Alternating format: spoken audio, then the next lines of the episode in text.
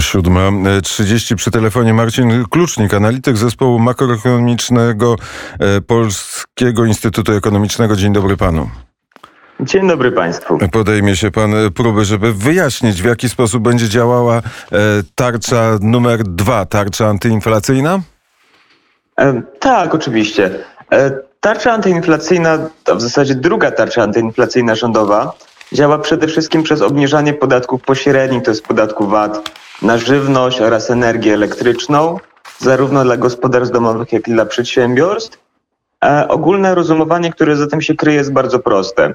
Jeżeli obniżamy podatki pośrednie, to przynajmniej na czas trwania tarczy oznacza również obniżenie finalnych kosztów tych danych usług oraz e, towarów, czyli przede wszystkim żywności oraz elektryczności, a w konsekwencji niższą dynamikę inflacji. Czyli płacimy mniej, wtedy inflacja jest mniejsza.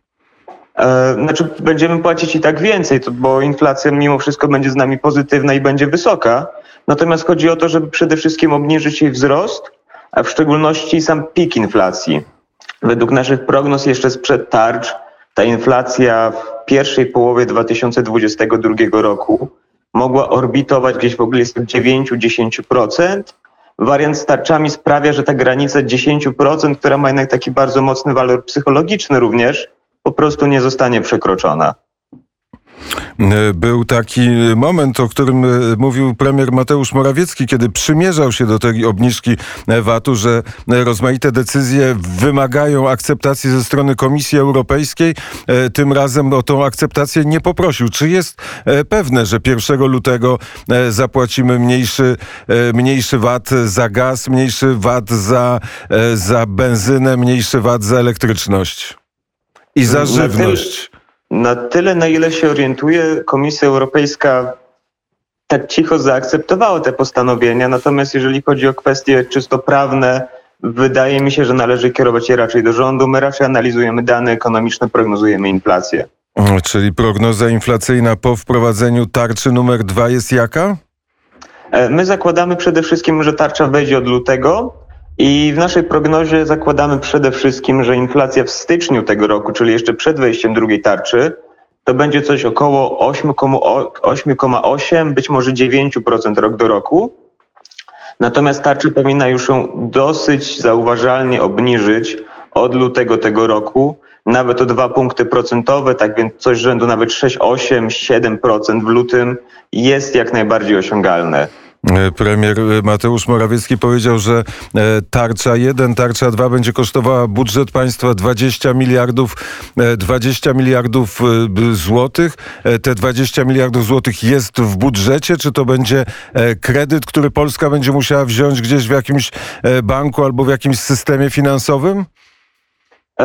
To będą po prostu kolejne obligacje wyemitowane przez Skarb Państwa. E, ogólnie deficyt w zasadzie Polski w zasadzie od zawsze jest, Polska w zasadzie od zawsze ma ujemny wynik netto, to znaczy ma deficyt finansowy. To oznacza, że część wydatków po prostu finansujemy deficytem. To zasadniczo jest normalna sytuacja, tak więc y, to, to raczej nie jest problem z finansowaniem i po prostu wyemitujemy kolejne obligacje. Bo, bo, właściwie jest e, chyba takie makroekonomiczne za, założenie, że tych e, kredytów, tych obligacji nie trzeba będzie spłacać, że zawsze i do końca świata będzie można je w jakiś sposób rolować. Do pewnego momentu. To znaczy, idea zasadniczo jest taka, że można finansować się długiem do pewnego momentu, natomiast dług oczywiście musi być utrzymywalny. To znaczy, E, jednocześnie ten dług jest redukowany nie poprzez jego bezpośrednie spłacanie, ale poprzez wzrost gospodarczy. W warunkach szybkiego wzrostu gospodarczego obciążenie długiem spada, tak więc problemem nie jest sam poziom długu, problemem jest raczej relacja długu do PKB. I nawet w tych wariantach, star wariantach z tarczami to obniżenie, ten procent długu publicznego, on będzie spadać w kolejnych kwartałach i to dosyć wyraźnie. Tak więc e, finansowanie tych programów pomocowych po prostu nie jest aż tak dużym obciążeniem dla budżetu państwa. Ale czy, czy nie jest tak, że za te wszystkie e, programy e, nie, nie tylko za programy, które wprowadzamy w związku z koronawirusem, czy teraz szalejącą inflacją, ale też za wzrost ceny energii, my płacimy, oddajemy właściwie przy 10% inflacji 10% naszej pensji każdego miesiąca. Nie wiadomo komu, nie wiadomo gdzie, nie wiadomo jak. E, znaczy tak, to jest oczywiście koszt dla domowych budżetów, natomiast y, sama idea tarczy antyinflacyjnej sprowadza się tylko do tego, że ona ma przynajmniej częściowo rozłożyć obciążenie tą inflacją, która tak czy inaczej po prostu musi nas czekać.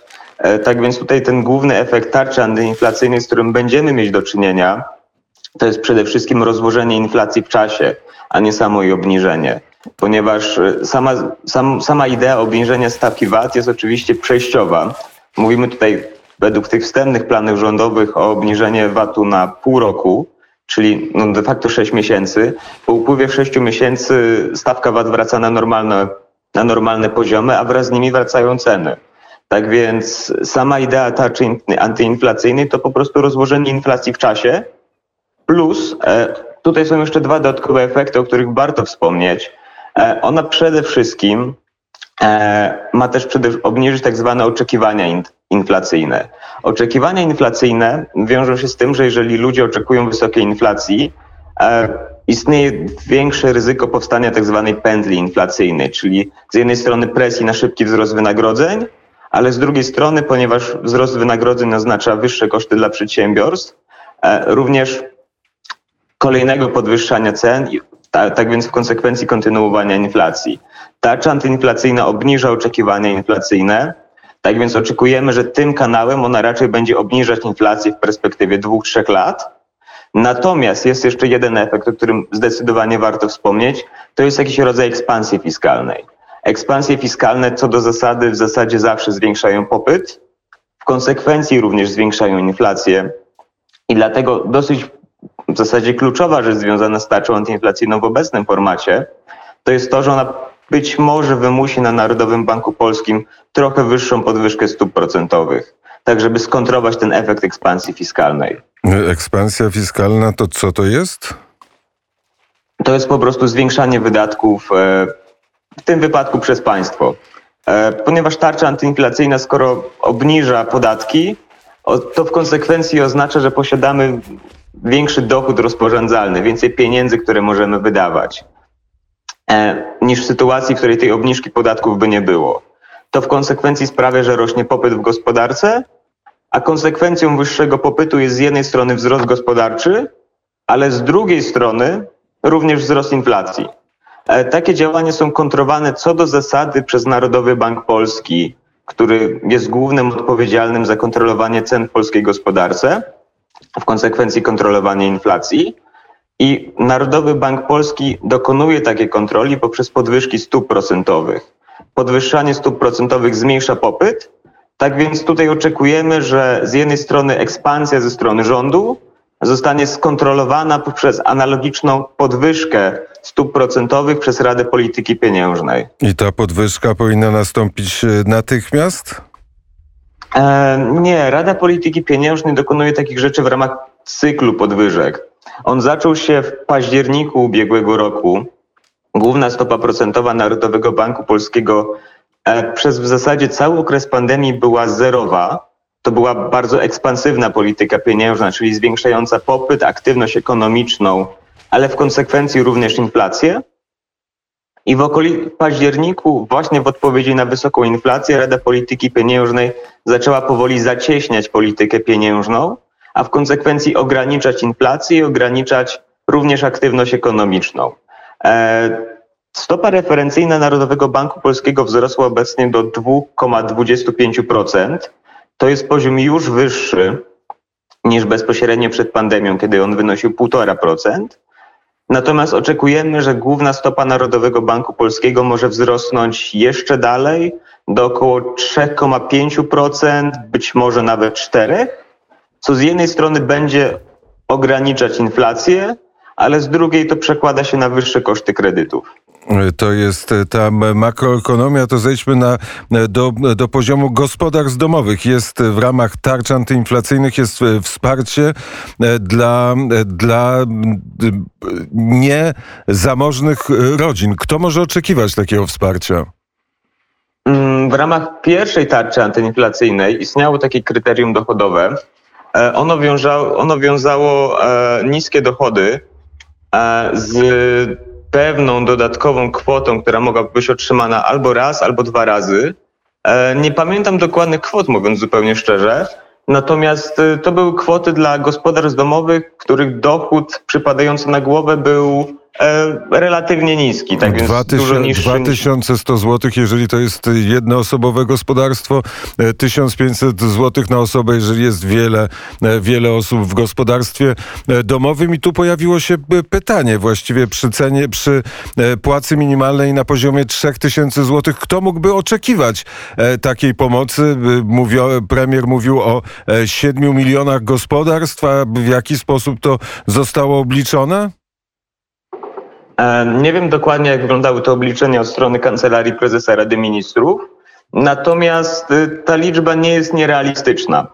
E, pensja minimalna to jest jedno w gospodarce, natomiast pensja minimalna dotyczy osób zatrudnionych w sektorze przedsiębiorstw na umowę o pracę w pełnym wymiarze godzin. E, część pracowników pracuje w niepełnym wymiarze, część jest zatrudniona także na innych formach zatrudnienia. E, ponadto liczne gospodarstwa domowe to są po prostu emeryci, renciści. No tutaj oczywiście pensja minimalna również nie działa. I tego typu dopłaty będą szczególnie odczuwalne właśnie dla takich osób, które e, mają po prostu niższe dochody niż, niż pensja minimalna, jak chociażby renciści, większość emerytów, e, czy też osoby z niepełnosprawnością albo na zasiłkach, dla których E, takie obciążenia chociażby przez wyższe koszty energii będą najbardziej odczuwalne. E, ale to nie jest e, zasiłek czy dotacja, która to jest do, nie automatyczna. To wymaga pewnego zachodu, zgłoszenia się do odpowiedniej instancji, do samorządu, do gminy, po to, żeby pokazać i wykazać, że się taka dopłata należy. Dokładnie tak. Na, na tyle, na ile orientuję się w kwestiach prawnych, E, to faktycznie te dodatki osłonowe wymagają jakiejś aktywności od strony osoby, a więc zgłoszenia się po nie. Tak więc, y, no cóż, najprawdopodobniej trzeba po prostu zachęcać osoby do ubiegania się o nie, informować o nich. A skąd założenie, że po sześciu miesiącach będzie można przywrócić stary system e, podatkowy podatków pośrednich? E, to jest prognoza zaprojektowana przez Kancelarię Prezesa Rady Ministrów. E, my nie mamy żadnych innych informacji na temat, na temat e, ewentualnych innych dynamik e, stawek podatkowych. Zakładamy, że faktycznie tak się wydarzy. Główny argument który, ekonomiczny, który się za tym kryje, jest taki, że oczekujemy, że spora część obecnej inflacji ma charakter przejściowy i przez najbliższych 6-8 miesięcy będziemy mieć do czynienia z obniżaniem inflacji, związanym przede wszystkim z wygasaniem pewnych czynników po stronie globalnej, takich podażowych, takich jak zatory w handlu międzynarodowym, czy na przykład stabilizacja cen gazu oraz ropy naftowej w konsekwencji benzyny. E, argument, który za tym się kryje, jest taki: e, skoro te czynniki będą powoli wygasać i inflacja w Polsce będzie spadać, to być może będzie to mm, oznaczało możliwość powolnego wygaszania tarcz antyinflacyjnych i przywrócenie normalnych stawek podatkowych. Ale czy jest e, założenie, że na przykład ceny gazu będą spadać? E, w obecnych warunkach prawdopodobnie tak, czeka nas jakaś stabilizacja, natomiast one i tak będą wyższe niż w 2019 roku. E, ceny gazu wzrosły bardzo dynamicznie.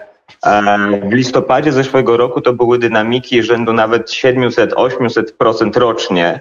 Ośmiokrotny wzrost rok do roku, jeżeli chodzi o ceny rynkowe.